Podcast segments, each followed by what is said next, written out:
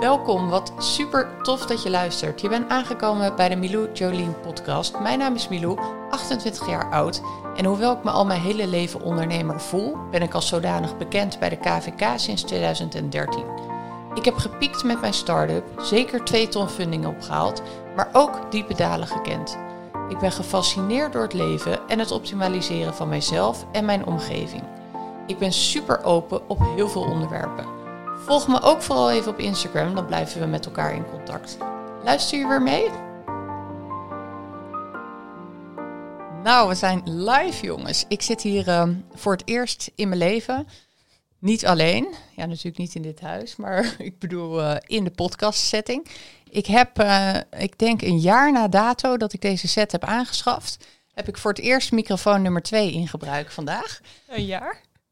Een jaar geleden heb ik hem aangeschaft, maar ik was dus uh, nog solo aan het testen doen. En nu heb ik eindelijk een plek waarvan ik zeg, nou, hè, kan ik ook iemand uitnodigen. En ik heb niemand minder als uh, mystery guest vandaag, als Kirsten.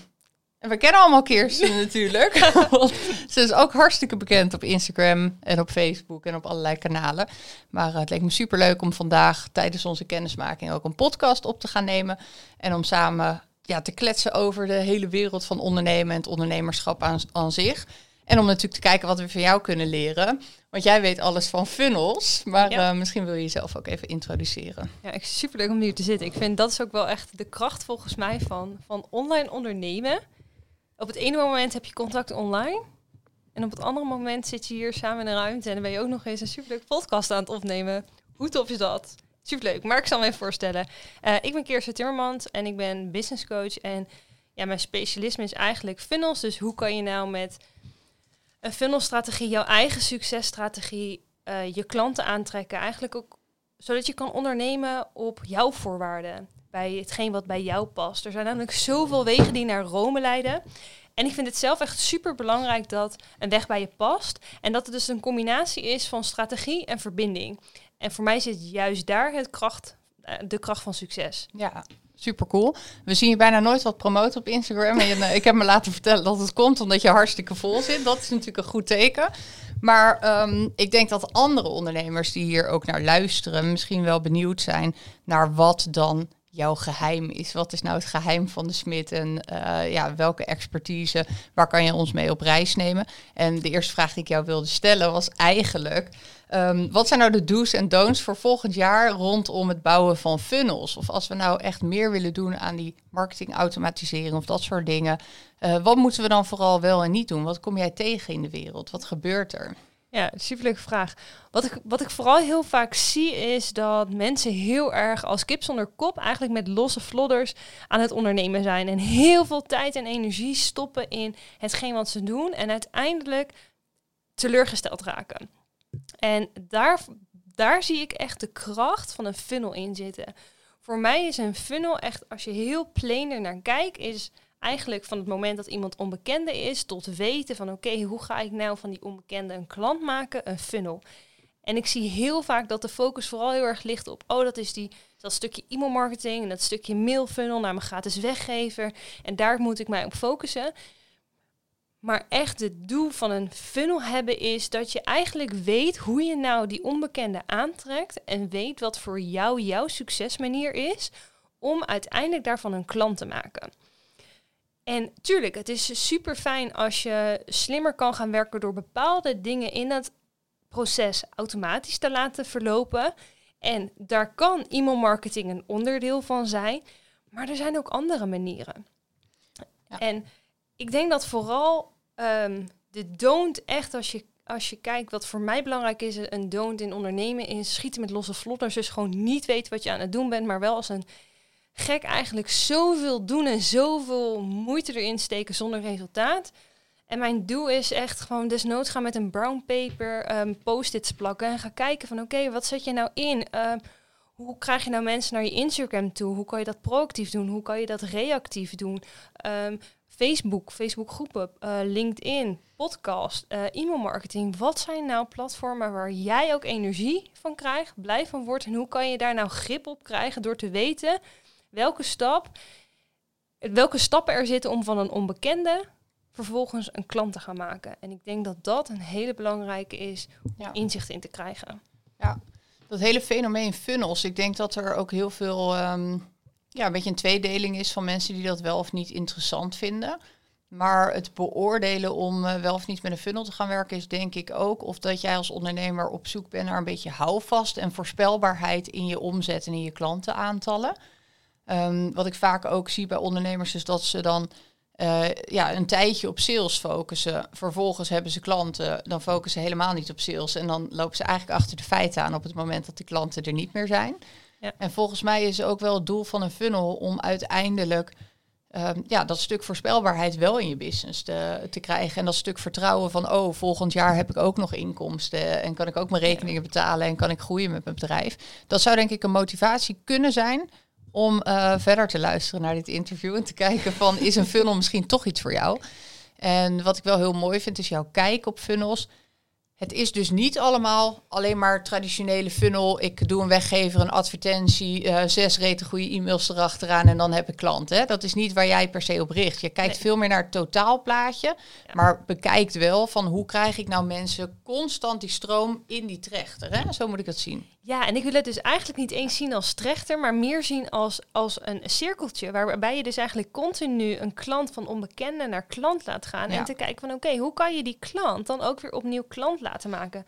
Want ook dat zie ik als een stukje funnel. En inderdaad, wat jij ook heel mooi zegt, als dat stukje grip hebben op wat je doet, zonder dat het per se heel erg vastgegoten hoeft te zijn, maar dat je wel een soort richtlijn hebt, een soort kader hebt of ehm, inzicht krijgt inderdaad in, in je omzet of in het aantal klanten wat je kan verwachten. En inderdaad van oké, ik heb mijn sales gehad en dan laat ik alles liggen. Terwijl je dan ook kan zien van hé, hey, maar een belangrijk stuk bijvoorbeeld in je funnel is het opbouwen van relaties met potentiële klanten. Dus hoe kan je er eventueel na je sales een periode op focussen in dat stukje funnel? Ja. Ja, en als je nou kijkt naar eh, klanten dus dichter naar je toe halen, hè, dus in contact komen met potentiële klanten. Ehm, hoe zouden we dat kunnen aanpakken? Dus ik ben redelijk nieuw op Instagram. Ik heb misschien eh, nou, nog onder de 500 volgers. Hè.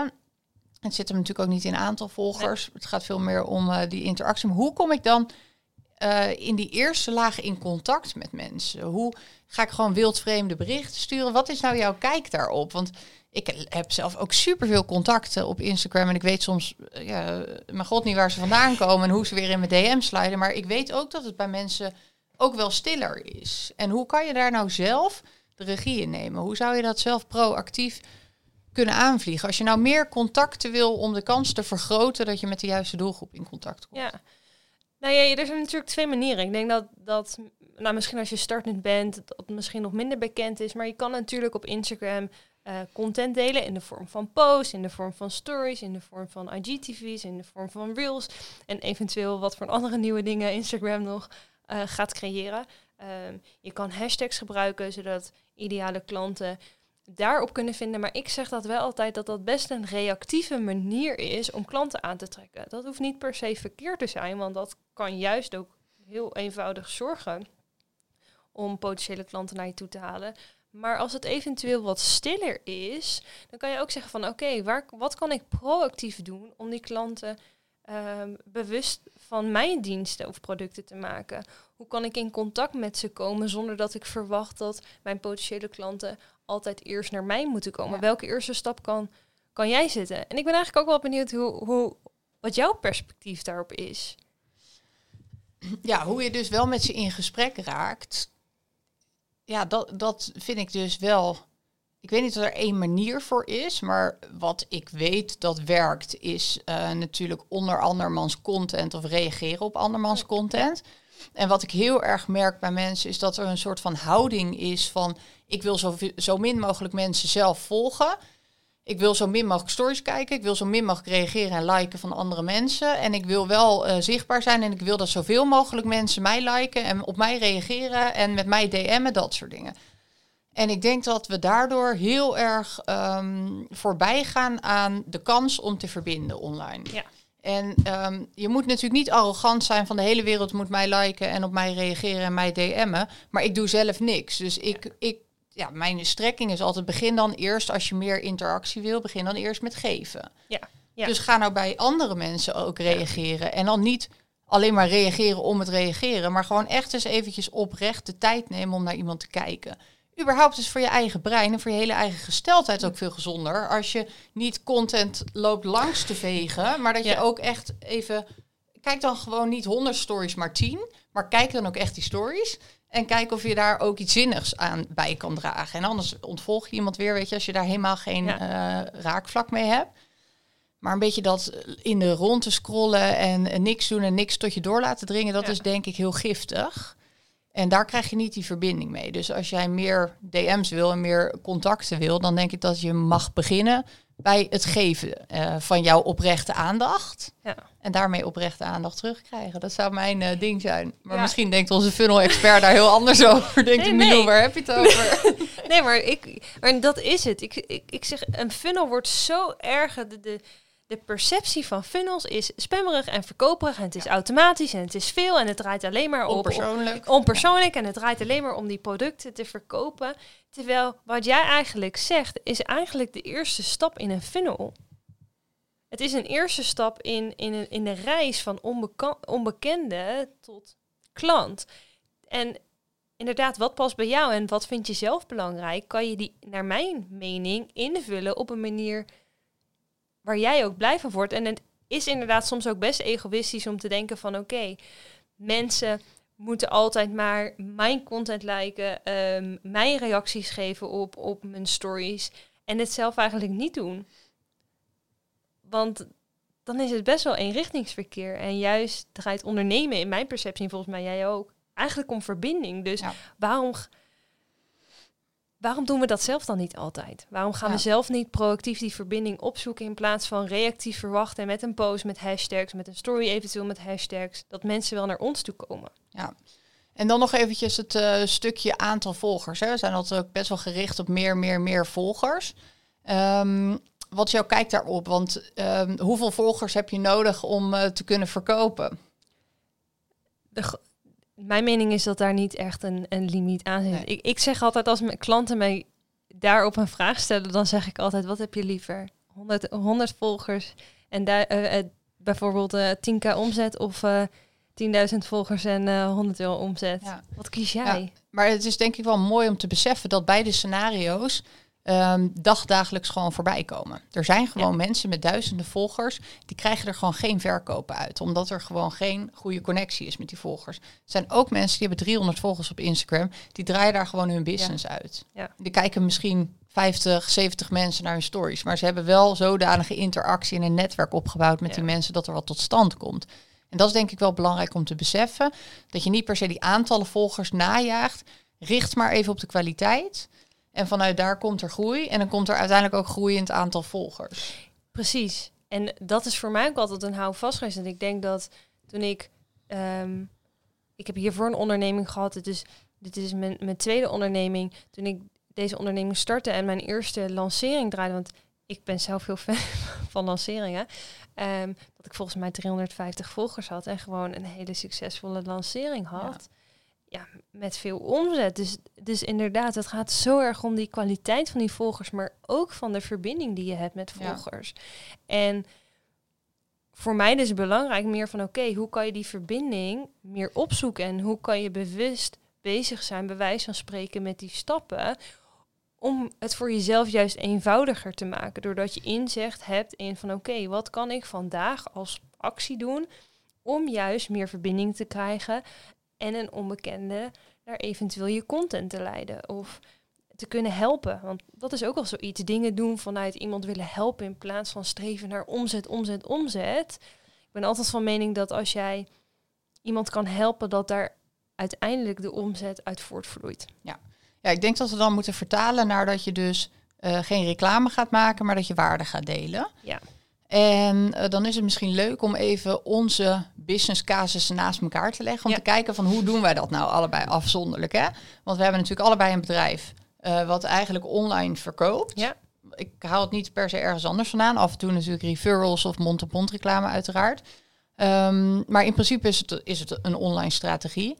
En als we dan kijken naar jouw ehm, manier van dat doen, waar haal jij je meeste verkoop uit? Neem ons eens mee op reis. Mijn meeste verkopen, of in ieder geval, laat ik ook vooral zeggen, de leukste manier dat ik verkopen vind, is in de vorm van lanceren. Ja, maar ze komen bij jou specifiek uit jouw Facebookgroep, toch? Veel. Ja. Ja. Maar het is ook waar ik de mensen heen stuur als ik aan het lanceren ben. Ja, dus ja, het is ja, ook wel de plek Ja. waar ik de mensen zeg maar naartoe verzamel Ja. om vanuit daar bijvoorbeeld of een challenge te doen of een, eh, een reeks aan eh, masterclasses waarin ik heel erg gefocust ben van oké, in eh, op dat moment ben ik ook echt bezig om mijn producten en diensten te verkopen. En tussentijds, tussen dat ik bij wijze van spreken eh, mijn programma of mijn diensten heb uitverkocht, dan zit er eigenlijk een stukje gewoon het delen van waarde in die Ja. Facebookgroep. Nee, precies, inderdaad. Maar je geeft dus ook echt gratis masterclasses waar je superveel waarde weggeeft. Mensen echt al wat leren. En ook als ze niet kopen, dan zijn ze al een heel stuk verder geholpen. Toch? Ja. Dat is wel de strekking. Ja. Dus je investeert en je geeft eerst een hele hoop. Ja, en dat is ook eigenlijk als, ik, als iemand bijvoorbeeld nee zegt, hè, want ja, ik denk dat, ik zeg altijd, eh, een nee krijgen van een potentiële klant geeft weer ruimte voor een ideale potentiële klant die ja zegt. En als iemand nee zegt, met welke reden dan ook, dan verwijs ik ze ook echt heel graag door naar mijn Facebookgroep van, nou ja, dan weet ik zeker dat als je daar de masterclasses volgt, dat je ook een stap kan zetten. Dus doe dat dan ook vooral. Ja, en dat voelt voor jou ook gewoon goed. Dat mensen dan ook geholpen zijn. En een deel daarvan die wil verder. En daar is dan jouw programma geschikt voor. Ja, ja als ik naar mezelf kijk, dan eh, doe ik het dan niet in een Facebookgroep. Maar ik doe wel af en toe masterclasses natuurlijk. Maar vooral wat ik doe, is de podcast van een stuk waarde content Ja. maken. En verder haal ik eigenlijk bijna al mijn verkopen uit Instagram stories. Ja, en dat is ook wel grappig, want daar hebben we natuurlijk al, ook al eerder eh, privé, zeg maar, achter de schermen een gesprek over gehad. Dat ik weet zeker dat Instagram heel een hele goede manier is om te verkopen. Maar zelf heb ik de overtuiging dat, dat het voor mezelf, nou ja, niet lukt is een groot woord, maar moeilijk is. Ja. Ja. En, en voor jou is het makkelijk. Ja, ik zou niet echt per se weten hoe anders, zeg maar. Ik merk dat eigenlijk alle mensen die bij mij in de coachingstrajecten zitten, dat die een band met mij hebben opgebouwd door middel van Instagram stories. En dat ze het idee hebben dat ze mij een beetje hebben leren kennen en dat ik ze blijkbaar een stap verder kan gaan helpen. Ehm, maar als jij met een andere bril, met een andere filter daarnaar kijkt, dan zit je gewoon op de stoel hier naast mij en dan denk je van, oh, zo zou ik toch niet mijn coachprogramma's uit kunnen verkopen. Want het is allemaal maar net eh, waar je het beginnetje hebt gelegd. Dus waar ben je begonnen? Wat heb je gevalideerd? Dat is voor jou de waarheid wat, wat werkt. Maar het zijn dus ook honderdduizend verschillende manieren die kunnen werken. Het is niet één weg. En er zijn mensen voor wie stories bijvoorbeeld ook nooit gaan werken, omdat ze niet. Eh, ja, dat past niet bij ze. Die kunnen veel, meer, ge- eh, veel beter geschreven of gesproken content maken. Weet je, je moet ook echt, denk ik, eerlijk kijken naar hoe kom ik het beste over? Wat Ja. past het beste bij me? En ja, hoe kan ik mensen het beste aan me binden, toch? Zeker, en Ja. dat is ook inderdaad van, daarom is een funnel ook niet zwart-wit. Ik heb een van mijn klanten, die gingen in haar lancering een webinar doen en, ze, en het lukte gewoon niet te verkopen. We gingen Nee. toch weer terug naar Instagram en het was zo uitverkocht. En ik denk dat dat zo belangrijk is. Kijk, als, ik vind zelf een funnel een houvast. Het is een strategie. Ehm, een strategie die je houvast geeft om te weten wat je wanneer kan gaan doen om een continue stroom van klanten aan te trekken. Ja. Maar waar je dat doet, of je dat nou op Instagram doet, of dat in je Facebookgroep doet, of je dat een combinatie hebt of een combinatie met podcast. Ik zeg altijd, als je een driehoek hebt van eigenlijk top of mind kunnen blijven bij je ideale klant, of in ieder geval twee platformen hebt, de platformen waar jij blij van wordt en jij energie van krijgt, en daar verbindingen gaat op, op gaat zoeken, want dat is natuurlijk sowieso een belangrijk onderdeel, ja, dan zit daar je succes. Ja. Ja, en daar consistentie in aanbrengt. Hè? Dat je wel zorgt dat, dat je gewoon regelmatig dat doet. Ja. Dat is denk ik wel heel belangrijk. Dat je daar ook een bepaald commitment hebt aan zo'n platform uiteindelijk. En dat je het ook echt als proces gaat zien om dat te laten groeien. Ja, en inderdaad, wat jij ook zegt, die consistentie is zo belangrijk. Dus als jij alles gaat proberen en niks consistent doet, ja, kies dan voor één of twee platformen en focus je daarop. En inderdaad, wat jij ook net zegt van het stukje plezier erin hebben of waar kom je het beste uit de voeten. Ja, als jij e-mail schrijven vreselijk vindt en eh, je loopt erop vast en het, weet je wel, je doet er een week over op een, om een e-mail te schrijven. Waarom zou je dat dan doen? Ja. Ja, maar dat betekent dus niet per se dat e-mailmarketing niet voor jou uh, is weggelegd. Want je zou natuurlijk dan ook een video of een podcast kunnen maken. Ja. En alleen maar een paar regels, alsof je naar je netwerk gewoon stuurt. Yo jongens, hartstikke leuk, ik heb een nieuwe podcast live. eh, luister hem hier, punt. Ja, Er hoeft niet een heel gigantische e-mail aan de grondslag te liggen... om niet alsnog betrokkenheid door middel van e-mailmarketing op te zetten, denk ik. Hè? nee, nee, zeker niet. En ik denk juist ook dat het weer een mooie manier is om iemand op een intiemere manier top of mind te blijven van een stukje content die je gecreëerd hebt. Of dat inderdaad in de vorm van een podcast is of een video of wel een geschreven e-mail. Ja. Je komt wat meer directer bij iemand binnen. Ja, Zeker klopt. bij degenen die heel erg fan van je zijn. Want Ja. dat zijn vaak wel degenen die ook het meeste je mails lezen. Ja. ja, wat ik altijd bij jou... ehm, ik sta altijd op jouw eh, mailinglijst al een tijdje. En dat vind ik leuk, want daar leer ik dan weer van. Van hoe doet iemand dat dan, weet je wel? Dat vind ik interessant. En dan komt vast een keer een product voorbij. Dan druk ik ook gewoon op dat winkelwagentje. Dat is gewoon zo. Ik ben ook een mens. Ja, zeker. Ehm, maar heel vaak gaat het helemaal niet bij jou om aanbod. En wat ik wel heel mooi vind om te zien als ik jouw mails binnenkrijg, het is altijd net alsof ik een soort van je buurmeisje ben waar jij een eh, persoonlijke e-mail aan schrijft. En wat daar dan denk ik ook goed is om bij te vertellen, is dat je bijvoorbeeld niks dan doet met fancy opmaken en nieuwsbriefachtige opmaken en zo. Dat is volgens mij ook een stuk geheim. Dat het gewoon lijkt alsof je een soort normale e-mail van iemand krijgt en niet meteen denkt, in your face, dit is reclame, zeg maar. Ach, wat grappig, daar heb ik nog helemaal niet bij stilgestaan. Dat is ook omdat ik heel vaak de boodschap heb gekregen dat hoe meer opmaak je in mails doet, hoe meer je in spamfilters terechtkomt. En Ja. uiteindelijk denk ik, ja, het gaat niet om de fanciness. Weet je wel, uiteindelijk kopen we omdat we een oplossing zoeken voor ons probleem. En dat bied je dan aan of niet aan. En omdat iemand jou vertrouwt als de expert of als degene die jou daarin kan helpen of in je behoeften kan voorzien. En daar heb ik niet fancy kleurtjes of plaatjes voor nodig. Nee, maar ik denk dus dat het nog veel dieper gaat. Ik denk dus serieus dat mensen ook echt denken van... dit is gewoon een persoonlijke e-mail waarin wat wordt uitgelegd... waardoor je het veel makkelijker gaat lezen... dan dat het heel reclameachtig, een nieuwsbriefachtig is opgemaakt. Wat leuk Ja, dat ik deze zo Ja. even mee mag krijgen. ja zo voelt dat echt voor mij. Dus dat is wel heel cool. Ehm, zijn er nog meer tips of algemene dingen die je kan meegeven aan mensen? Dat je zegt van nou, als je nou wil starten met funnel, waar begin je dan? Ik, ik gebruik zelf altijd mijn eh, ABC eigenlijk business eh, formule. Waarbij ik altijd kijk van oké, welke manieren ga jij gebruiken of welke platformen ga jij gebruiken om je klanten aan te trekken? Dus Ja. de, de A uit de ABC. En B van oké, wat ga jij gebruiken om een relatie op te bouwen? Of hoe kan je eventueel nog meer in verbinding komen met je potentiële klanten? Dat, Dat- is B. Dat is B, het opbouwen. en dat kan prima ook allemaal op Instagram plaatsvinden, want dat is natuurlijk ook hoe jij jouw business tot is, ja, eigenlijk een succesvolle business hebt. Ja. Eh, door heel veel op Instagram te gaan doen.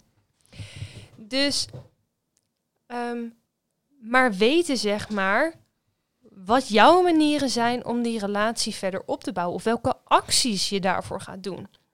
En het laatste stukje is weten welke de C, het welke manier van conventeren je gaat gebruiken. Dus de manier hoe nou eigenlijk iemand die, die weet wie je bent, die je leuk vindt en die je vertrouwt, om uiteindelijk klant te gaan laten worden. En dat, nou ja, kan ook weer via Instagram. Nou ja, mijn voorkeur is challenges, eh, webinars. Je kan zelfs podcasts ook gebruiken om natuurlijk je producten te verkopen.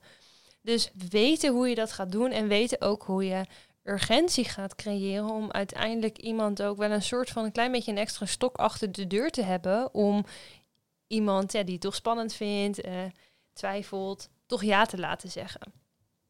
Cool. Oké, super. Thanks. Ehm, ik had nog eh, wat andere topics bedacht, want we gaan niet alleen maar over funnels hebben, want ik vind het ook gewoon superleuk om het over ondernemerschap en om, eh, over jou en mij misschien als mens te kletsen. En ehm, ja, iets waar mijn hart sneller van gaat kloppen, is eigenlijk het persoonlijke stuk naar voren brengen. Hoe dicht dat aanschuurt tegen het eh, succes van je business. En eigenlijk jou de vraag te stellen: hoe kijk jij er tegenaan? En heb jij persoonlijke shit moeten opruimen om met je bedrijf hier te komen waar je nu bent? Ja, grappig. Ik vind ondernemen echt een rollercoaster. En ik was voordat ik een ondernemer begon ook best wel gefocust op persoonlijke ontwikkeling en willen groeien. Maar het lijkt wel of ondernemerschap je eigenlijk een, een hele grote spiegel voorhoudt. En wat je eigenlijk een soort van al je knopjes indrukt waar je wel nog wat shit op te lossen hebt. Triggers ja, en, eh, die trigger zo van oké, nu krijg je hem ook daadwerkelijk zo in je face. En dan is de keuze vooral, wil je, wil je makkelijk ondernemen? Wil je eenvoudig ondernemen? Wil je fun hebben? Of wil je het een moeilijke reis laten zijn? Want ik heb best wel de afgelopen maanden het gevoel gehad dat het zwaarder was dan het ging. En dan zie je ook dat je gewoon nog wat shit op te ruimen hebt. Ja. ja, mooi. En wat was het eerste moment toen je ondernemer was geworden? Dat je bijvoorbeeld door middel van een coachingstraject of iets anders een stuk van jezelf tegenkwam waarvan je dacht van, oh, hier zit wat. Ja, grappig. Mijn eerste business ging heel erg over eetstoornissen. Ja. En uiteindelijk was dat ook de reis die ik zelf, het laatste stukje van mijn eetstoornisreis, die ik daar kon helen. Dus Ja. het was ook wel echt een reflectie van waar ik stond en ehm, wat ik nog te helen had. ja. En was je, want kan je iets toelichten daarover waar je dan vandaan kom- komt qua eetstoornisachtergrond? Wat voor vorm, eh, in welke periode van je leven? Ja, nou, wat er bij mij heel erg achter zit, is ik ben eh, opgegroeid met een moeder met eh, persoonlijkheidsproblematiek. En daardoor leerde ik eigenlijk al op hele jonge leeftijd te overleven. En eten was mijn veiligheid geworden. Dus ik vind het soms een beetje lastig te zeggen van oké, wanneer is het nou echt begonnen? Ehm, maar goed, ik denk relatief gezien jong. Dus ik had best wel, denk ik, ook wat eh, shit op te ruimen. En je merkt zeker in ondernemerschap, en ik ben ook wel benieuwd hoe jij dat ervaart, van ja, je krijgt heel erg te maken met niet per se onveiligheid, maar het is wennen, het is nieuw. Je, je wordt getriggerd. Dus ik merkte wel dat daardoor heel erg ook dat stukje eten weer bij mij naar voren kwam. En ik ben eigenlijk door verschillende processen in het eten gegaan, van eh, anorexia eigenlijk tot eh, bulimia, tot eh, binge eating.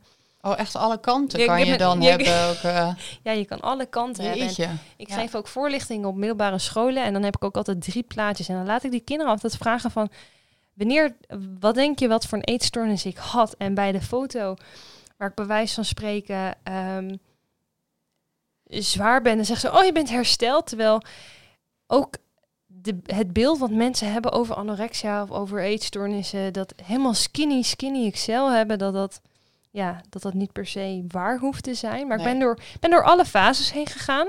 Ja. Ehm, van niet eten tot wel heel eten, tot eh, extreem gezond eten, tot heel veel sporten. ja. Maar ja, ja, daar word je wel mee geconfronteerd als je gaat Ja. ondernemen. Dan, Maar je ging dus ook ondernemen in dat segment. Je dacht, ik heb hier ervaring in opgedaan, dus ik wil hier ook eh, een praktijk in. ja, ik Ja. dacht van, eh, nou, ik dacht in eerste instantie dat ik, dat ik er al wel was. En eh, tijdens het ondernemen kwam ik daar eigenlijk achter dat het niet zo was. Plus ik heb een achtergrond in de pedagogische, nou ja, pedagogische wetenschappen, forensische orthopedagogiek, eh, opvoeding van kinderen. Ehm, zelf nog gespecialiseerd in strafrechtelijke en civielrechtelijke kinderen. Dus kinderen die Ja. onder toezicht worden gesteld, uit huis worden geplaatst. Dus heel erg die drive ook van weten hoe als kind eigenlijk onveilig het is. En wat dat eventueel ja, voor invloed je hebt, vond ik het zo'n mooie combinatie om ook dat stukje eetstoornissen en juist dat stukje vanuit de pedagogiek te combineren. Maar ik kwam er ook wel achter dat ik misschien juist dat eerder een klein beetje ook had gekozen om mezelf nog wat meer te helpen. Ja. ja, mooi. Maar dan kan ik me ook wel voorstellen dat het op een gegeven moment het werken met die cliënten dus een trigger vormt. En dat je dan denkt, oeh, wacht, volgens mij zit hier dan nog wat. Ja, en dat je eigenlijk Ja. ook wel in, in zelfs in stories al achterkomt van oeh, daar, daar heb ik zelf nog een, een, nou ja, een overtuiging op. Of dat loopt nog eigenlijk niet. Ja, normaal voor iedereen, iedereen heeft een ander normaal, maar waarvan je denkt, oeh, dat is eerder nog een soort van vanuit dwang of vanuit moeten dan dat het Ja. is omdat je het echt wil. En op die momenten heb je er dan dus voor gekozen om daar dat stuk weer op te pakken en daarmee aan de slag te gaan. Ja, en eigenlijk was ik, was ik er eigenlijk ook nog mee bezig. Alleen was ik er eigenlijk niet bewust van dat het nog, nou ja, nog zoveel diepere lagen, Ja. lagen heeft. Maar geloof dus ook dat het echt een ongoing proces is. En dat het gewoon eh, dat het ook kan zijn dat je over tien jaar weer een nieuw stukje tegenkomt van hetzelfde onderdeel. Weet je, Ja. ik geloof nooit echt in dat het helemaal over is of helemaal opgelost is. Maar wel dat het heel bevrijdend werkt. Ook voor je groei als ondernemer als je er juist mee aan de slag gaat.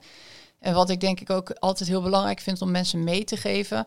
Ik heb ook hele eh, intense stukken opgepakt.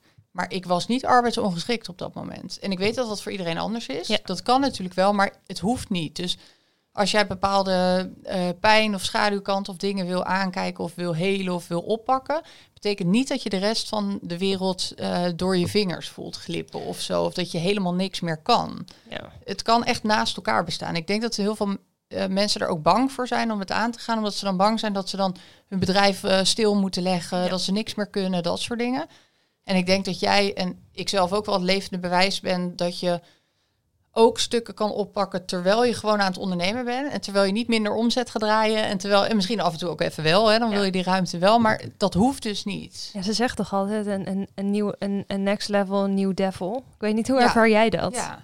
ja, zeker. Ja, nee, absoluut. Maar in eerste instantie vond ik het dus heel erg oneerlijk. En vond ik dat het allemaal in, wel in de weg zat. En dacht ik van, waarom ben ik zo verknipt?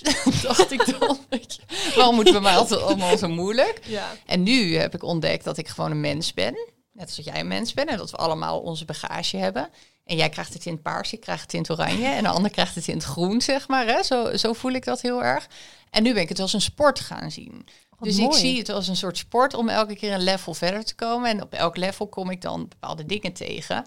En dat is dan mijn taak om daar op dat moment iets mee te doen.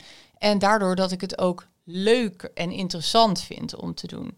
En zie ik dit eigenlijk als wat je, eh, ja, waarom we op aarde zijn. Dus waar ik het eerst kon zien Ja. als van, nou, wat irritant. Of wat, eh, wat vervelend dat ik dit nu heb. Laat me met rust, laat me gewoon mijn ding doen. Zie ik nu van, oh nee, maar dit is, dit is waarom ik hier ben, Ja, wat grappig. zeg maar. Zo, op deze manier had ik er nog niet helemaal naar gekeken. Dus ik denk dat het ook weer iets is wat ik mocht horen. Maar je hebt wel gelijk. Ja.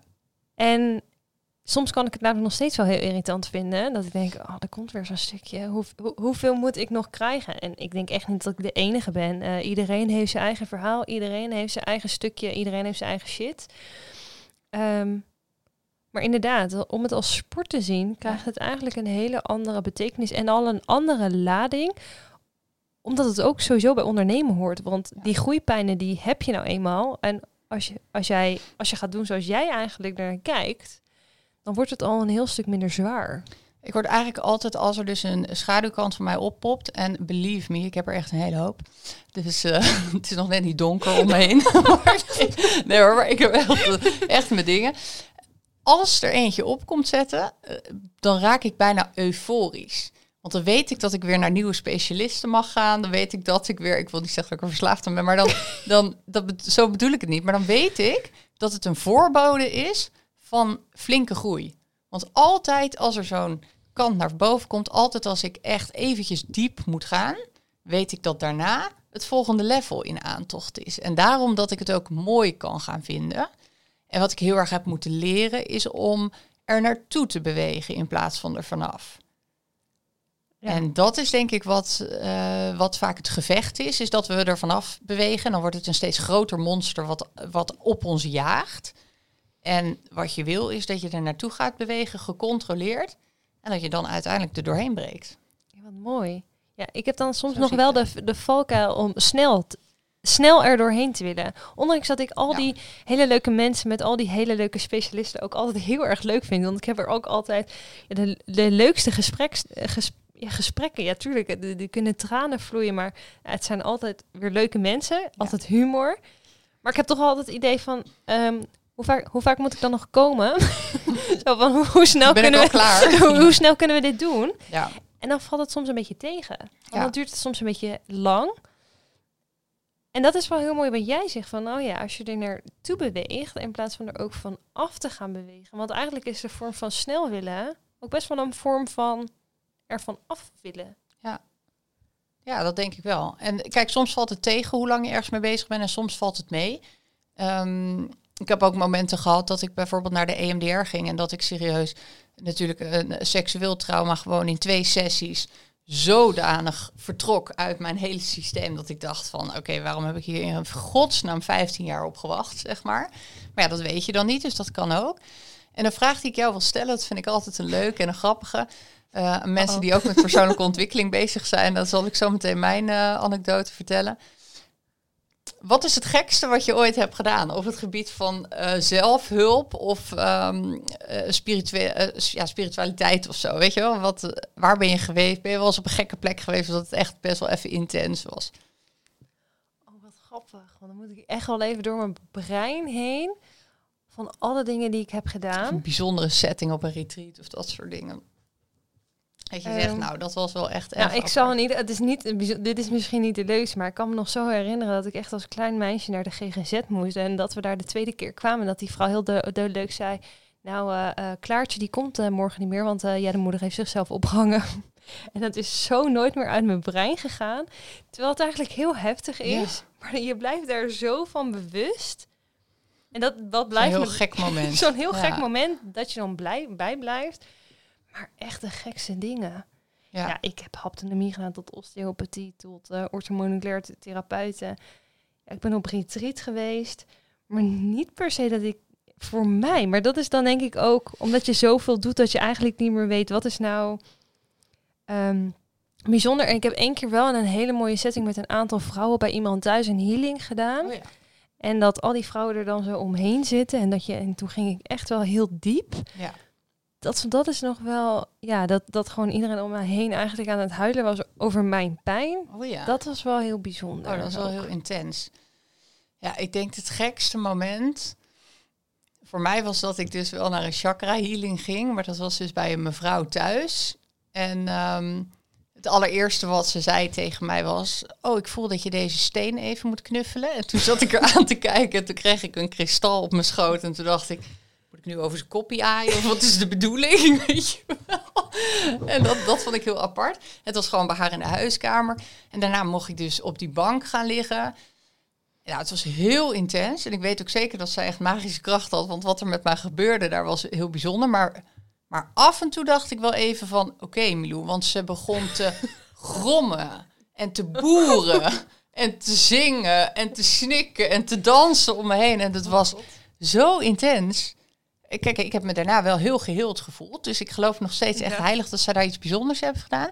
Maar ik weet wel dat ik af en toe mezelf even bij de les moest ehm, krijgen. En dan sprong ze op en dan zei ze... Hier zit een oude steekwond van drie levens terug. En dat soort dingen. Die gaat recht door je keel. En allemaal dat soort dingen. Dat ik echt dacht van oké, oké. Ehm, relax Milou, het komt goed. Weet je, je komt hier weer levend vandaan. Dat zijn wel echt momenten. Ik ga echt uit mijn comfortzone. Ik vind dat super interessant. Maar het zijn wel momenten dat ik af en toe even denk van... Hmm. Oké, weet je, ja, waarom had ik dit ook weer bedacht? Ja, ja, dat herken ik wel. Ja, nee, ik moet zeggen, ja, nee, zo'n gek verhaal heb ik volgens Ja. mij niet. Nee, dat geeft niet. Maar ook mooie dingen ja, wel mooie dingen. Kijk, het is natuurlijk ook heel out of your comfortzone om ergens in, in het midden van een ladiesgroep je pijn te verwerken. En dat Ja. iedereen zo diep met je meevoelt en zo. Dat is natuurlijk ook next level, hè? Dat gaat niet eventjes over een eh, popformuliertje invullen of zo. Nee. Of, eh, dat soort Nee. dingen. Dus ik en- denk dat het heel mooi is om gewoon te delen ook. Dat mensen ook horen van... Er zijn heel veel wegen omheen die, het, die je kunnen ondersteunen op je reis. En het is niet gek. en Je bent niet verknipt als je daarmee aan de slag gaat of zo. Hè? Het, het is gewoon goed om te onderzoeken wat bij je past... en wat het kan versnellen. Jouw processen. Ja, en vooral van, oh ja, ik heb me altijd anders gevoeld, maar dat anders oké is. En dat, of, eh, nou, mijn partner die is heel nuchter, dus als ik al dit soort dingen vertel, of ik heb ontzettend veel baat gehad bij opstellingen. Ja. Misschien ken je dat wel van familieopstelling, maar ik heb zelf individuele opstellingen gedaan. Dus die vrouw gaat dan in stukjes van jezelf staan. En dat was voor mij gewoon echt zo'n fijne methode om trauma te helen. Ja. En dan ging ik mijn vriend, dan had ik een heel mooi inzicht gekregen. En dan kwam ik thuis en dan ging ik dat, dat vertellen. En dan zat hij me echt zo aan te kijken van oké. En dat, dat, dat zag zij, dat, dat voelde zij. Het zal wel. Ja. En weet ook dat het oké is. Van, tuurlijk, het is fijn als je bepaalde dingen met de mensen van wie je houdt kan delen. Maar als jij ergens voor wil kiezen, of als jij voor, voor zo'n chakra healing wil kiezen, omdat jij dat gevoel hebt dat, dat dat bij jou past. En wie om je heen er ook een bepaalde mening over heeft. Doe het alsjeblieft Ja. voor jezelf. Ga Ja. ervoor, want Of er niet in mee wil, dat is wel gewoon oké. want jij bedenkt op dat moment dat jij daar aan toe bent en dat jij dat wil. Maar dat betekent niet dat de hele wereld om jou heen ook op hetzelfde punt moet zijn op dat moment. En op dat moment kan je niet verwachten dat zij daarin meegaan.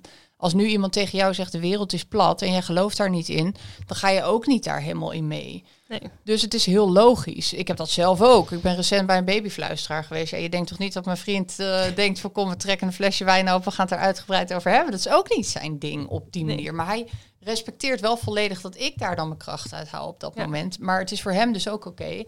Eh, het is voor mij dus ook oké dat hij daar niet helemaal in meegaat. Ja. En als ik wel dan met iemand daar echt de diepte over in wil gaan, moet ik dus niet bij hem zijn. Dan moet ik dus even ergens anders aankloppen. Je kan niet verwachten van de hele wereld dat ze dan ineens ook into de chakra healings zijn of zo. Dat zie ik vaak wel gebeuren. Dat mensen die ontdekken iets goeds en die verwachten dan of veroordelen dan de wereld om zich heen eigenlijk direct. Omdat die daar dan nog niet zijn of überhaupt niet zijn, omdat het hun weg niet is. Nee, maar ik zie ook dat heel veel mensen zich erdoor tegengehouden voelen. Ja. Het is zo van, ja, ik wil dat doen, maar het is een beetje... Dat vind ik, dat vind ik ook zoiets. Heel veel mensen zeggen, ja, maar ik ben nuchter. Alsof het altijd maar ver- te ver- verklaard moet worden dat je spirituele dingen doet, terwijl je ook gewoon... Ja, ja, ik vind nuchter dan niet per se het goede woord, maar ook gewoon heel in het hier en nu bent. En dat, dat je dat ook niet altijd erbij hoeft te zeggen. Van, dan ligt er nog steeds een klein beetje taboe op. Ja, maar ik doe dit. Maar ik ben eigenlijk ook wel heel nuchter hoor. Ja, Van, ja. het mag ook gewoon een onderdeel zijn van, van wie je bent en wat je doet, zonder dat je het Ja. heel groot hoeft te maken. Omdat je het vooral ook voor jezelf doet. Je doet het voor niemand anders dan jezelf. Nee. En je hoeft ook niet per se in de hele spirituele wereld te zoeken. Je kan bijvoorbeeld ook eh, agressietechnieken doen of bokstrainingen of dat soort dingen. Er zijn zoveel wegen die naar Rome leiden. Dat is Ja. denk ik ook goed om te beseffen dat je gewoon... Maar er iets eh, proactiefs mee doen om er dus wel naartoe te bewegen in plaats van er vanaf. Dat is denk ik wel wat we met dit topic proberen te bespreken. Dat dat bij ons allebei wel heel erg voor zakelijke groei heeft gezorgd. Dus als je het dan moeilijk vindt om het voor jezelf te doen, zie je dan als business investering. En boek die kosten vooral op de zaak. en zie het gewoon op de, als dat je dat in, ja, in het belang van je bedrijf eigenlijk gaat, eh, gaat eh, uitzoeken. Ja, ook weer zo. Ja, Zo ook zie weer ik dat ja. altijd. Ja. Nee, hele mooi. Ik denk dat degene die inderdaad denken van, oh, maar dan heb ik weer shit op te lossen en dan draait het weer om jezelf. Inderdaad, maar als je het gaat zien als business investering en doordat je dan makkelijker omzet realiseert, makkelijker je doelen haalt, ehm, meer, meer een, eenvoudiger je business succesvol kan maken. Inderdaad, ga dan gewoon als, als zo'n investering zien. Dat scheelt je ook een hoop tijd en frustratie en ja, eigenlijk een soort van eh, gevecht met jezelf om te twijfelen of je er iets mee moet doen of niet. Ja. Want het beperkt je wel vaak Ja. in je groei als je er te lang niks mee doet of überhaupt niks mee kan doen. Nee, precies. En ik denk dat het een hele mooie dans of een wisselwerking kan zijn tussen jou en je bedrijf. Dat jouw bedrijf jou persoonlijk laat groeien en jij laat jouw bedrijf zakelijk groeien. En dat is een soort van transactie die tot stand komt. En dat vult elkaar super mooi aan. En dan kan je echt op een andere manier, ook op echt, ja, wat mij betreft is dat een beetje next level ondernemen. Ja, Ja. En, en, en, de grap is, je komt niet... Die groeipijnen, die kan je net zo lang wegduwen totdat je denkt van, weet je, ik, ik kijk ze niet aan. Ik ga ze gewoon aan de kant doen. Maar uiteindelijk wordt die muur alleen maar hoger en hoger. Ehm, en je moet er doorheen, wil je echt next level gaan, wat jij zegt. Ja, ja. Wat is jouw eerstvolgende grote uitdaging binnen jouw bedrijf eh, voor jouw gevoel? Dat je zegt, daar eh, ga ik doorheen breken, hoeft niet per se een trauma te zijn, maar ik bedoel gewoon je grootste bedrijfsuitdaging. Ik zeg, daar, eh, daar ga ik mee aan de slag in de komende tijd en dat gaat voor mij voor de volgende ronde van groei zorgen. Ehm, dat klinkt misschien heel gek, maar weer gaan doen ook waar ik heel veel energie Ja, van krijg en blij van word. Ik merk toch wel dat, ja, er is zoveel wat je kan doen en er is zoveel te ontdekken dat je soms ook wel, zonder dat je het doorhebt, juist omdat je die spiegel krijgt en of, of die spiegel niet wil aankijken, toch dingen gaat doen die niet helemaal passend zijn, ehm, niet helemaal kloppen en dus ook moeizaam gaan. Dus voor mij is het echt wel weer zeg maar, oké, niet back to the basic, maar wel weer even terug naar een nulpunt. Ja. En weer gaan doen wat ik leuk vind, zodat het lekker met ease gaat. En niet dat het nu per se, en dat is het, en niet dat ik nu iets te klagen heb of dat het niet goed gaat. Behalve dat ik het graag anders wil zien. Ja, maar dat is het denk ik. Blijf heel eerlijk naar je bedrijf kijken. Dus ook als je bijvoorbeeld door die 10.000, 15.000 euro per maand omzet heen bent gebroken. Dan is niet dat dat het recept is wat je hebt bedacht en dat, dat, dat je dat de hele tijd moet blijven afspelen. Je kijkt dan nog structureel naar je business en je kijkt van welke onderdelen word ik nou blij van en waar lekt energie weg. En durf dan ook dat stuk weer uit je bedrijf te slopen of anders in te richten, zodat je ja, wel weer blij bent. En soms sluipen dat soort dingen erin wat heel goed is. Maar ik denk dat het heel mooi is dat je daar wel heel open naar blijft kijken. En dat je niet denkt van nou, nu heb ik een bedrijf super succesvol, goede omzet en nu hou ik het maar gewoon zo, want dit zal wel goed zijn. En neem ik eigenlijk genoegen met iets waar ik niet super blij van word. Ja, en ik denk ook de, de, de les die ik mezelf mag leren, vaker reflecteren. Want ik heb eigenlijk veel te lang gewacht. Je kan dit gewoon voorkomen door vaker wat stil te staan. Maar ja. stilstaan is ook zoiets van, oh, maar in stilstaan verlies je dingen. Of dan mis je dingen. Of weet je wel, uh, dat is niet goed, ik moet door, door, doorgaan. Dat, dat is echt wel mijn valkuil. En ik weet echt dat ik dat vaker wil gaan doen. Stilstaan en reflecteren. Ja. Dan hoeft het bepaalde dingen, hoeven bij wijze van spreken niet altijd te ver te komen. Kan je verder meer inspelen. Ja. En blijft het makkelijker gaan. Ja.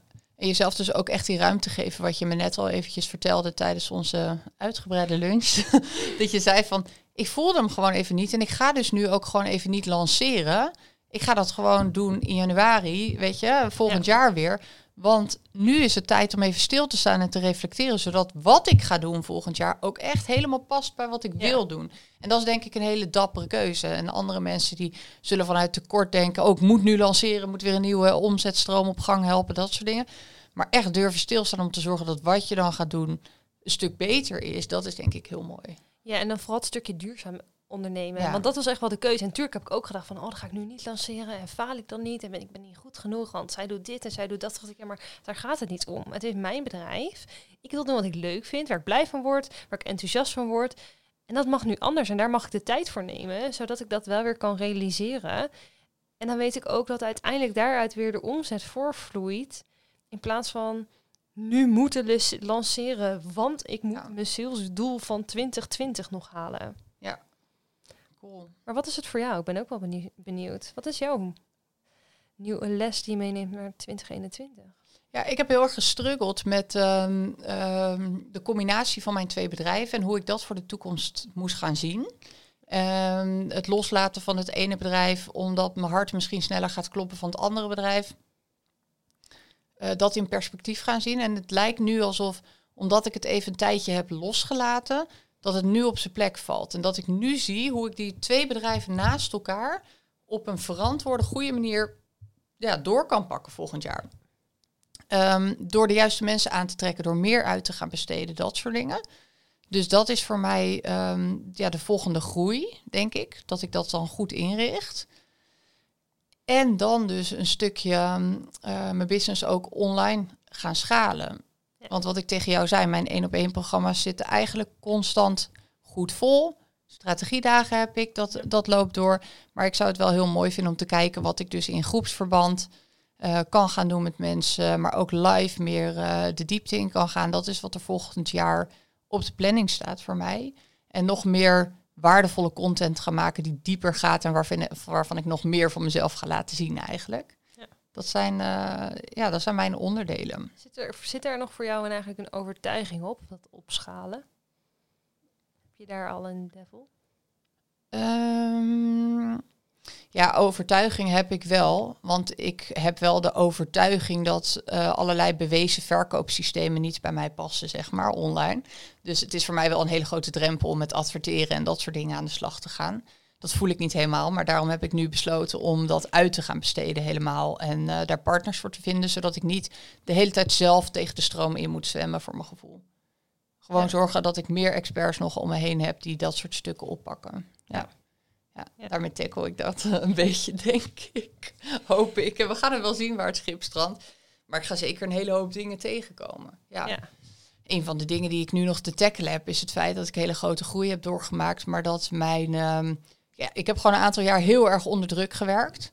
Zeker in de tijd van mijn faillissement, in de tijd dat ik mijn start-up opbouwde.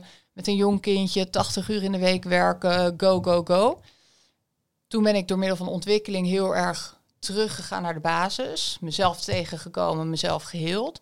Alleen wat ik nu merk is dat er een restantje van die uh, go-modus zit nog in mijn lichaam. Dus mijn hoofd weet nu hoe het werkt. Uh, alleen mijn lichaam gaat nog niet mee. En daarom eh, ga ik morgen onder hypnose bijvoorbeeld. dus, ja, dat, dat zijn dan dingen waar ik dan mee aan de slag moet gaan om te zorgen dat mijn systeem zich net zo rustig voelt als, eh, Ja. ja. hoe leg ik dat uit? Als eigenlijk het, ehm, het niveau waar ik dan Ja. in mijn mind opgekomen ben of zo. Dat, het lijkt alsof dat gewoon nog ehm, niet altijd op, eh, op gelijk niveau is. Dat ja, lichaam en geest niet helemaal goed samenwerken af. Grappig, ik heb dat andersom. Ja? Ja, mijn lichaam die, die weet wel hoe, dat, eh, hoe je beter kan ontspannen en meer Ja. rust kan ervaren. Maar mijn, mijn programmering en mijn mind is nogal heel erg sterk om dat gewoon weer zo op Ja, de oude manier precies. te doen. Ja. Dus het is grappig. Dat, dus dan Dan zie ga je... ook al niet hypnose. dat heb ik, ook het al, heb ik ook al een aantal keer gedaan. Dat is Ja. ook, ook echt heel erg interessant. Oh, mooi. Ja, ik vind het ook Eh, heel bijzonder. eh, Maar mooi. dat stukje hoofd-mindverbinding doe ik dan nu in een haptonomie-traject. Maar je ziet nu al, dus zeker, ook weer een mooi voorbeeld hè, van problemen hebben in je business, ergens tegenaan lopen, maar weer anders dan wat ik heb, of wat Pietje hebt, of wat Klaasje hebt. En dat dat ook, of je nou een strategie kiest, of dat het om, om, om zakelijke focus gaat of privé focus, dat er zoveel dingen tot uiting komen. Dus weet ook dat het oké is als jij iets hebt wat misschien mensen in je omgeving niet hebben, maar bacht- bagatelliseer dat niet. Ja, super mooi. Cool man. Leuk. Ik denk dat we hier. eh, Ik wil ook zo'n zetten. ja, nou, dat kan je gewoon kopen. Ik denk dat we hiermee best wel een, ja, een mooi afgerond gesprek hebben neergezet. Dat, hoop ik ik, in ieder geval. Dat mensen ook jou en mij weer eventjes van de andere kant hebben gezien. Maar dat ze vooral iets voor zichzelf uit hebben weten te halen. Ehm, ja, we hebben eigenlijk even commercieel niks aan te bieden op dit moment. Maar eh, Nee, allebei. Maar in 2020 of 2021 zijn we natuurlijk wel weer eh, terug met mogelijkheden om met ons samen te werken. Maar wat eh, veel leuker is, is om met elkaar te verbinden. Gewoon op een andere manier dan de commerciële manier. En te kijken of mensen jou misschien op Instagram kunnen volgen. Waar Ja. kunnen ze je vinden? Op het Kirsten Turmand. Precies. En voor jou? Het Milou Jolien. dat Maar nog dat- zwoeler zeg. Maar dat is natuurlijk ook heel grappig, hè? Want Ja. wat dat betreft kan je zeggen dat we, ja, concurrenten vind ik altijd niet zo netjes woord, maar con-collega's zijn. Maar omdat er zoveel wegen naar Rome zijn, is het zo leuk om te connecten. Ik vind Ja. het zo krachtig ook Ja, aan, zeker. aan verbinding hebben en van jou ook weer te mogen leren waar jouw succeselementen zitten. Want ik neem daar ook wel weer echt elementen uit mee. Absoluut, nee, maar dat is super fijn. En waar wij net ook tijdens de lunch hadden het er even over. We zien dus ook in ons eh, klantenbestand mensen die bijvoorbeeld om mij heen hebben ge- gedraaid. Dat klinkt een beetje gek, maar die ook in mijn scope hebben gezeten. Die bijvoorbeeld klant zijn bij Kirsten en dan andersom ook. En zo zie je ook dat dat helemaal niks uitmaakt. Er bestaat niet echt concurrentie wat dat betreft. Het gaat veel meer om dat je allemaal uiteindelijk mensen kunt aantrekken die bij jou passen. En dat is, eh, Ja. dat is denk ik ook waarom we hier prima naast elkaar kunnen zitten. Zeker weten. Ik vind het En hartstikke eh, leuk. misschien En, doen we zo meteen nog een kleine bitch fight, maar dat was ik niet van plan. en dat we ook nog onze kennis en, en, en reizen kunnen delen met, met jou. Ja, super cool. Tof. We gaan de knoppen uitzetten. We. En dan gaan we hopen dat de opnames helemaal goed zijn gelukt. Toch? Ik hoop het ook.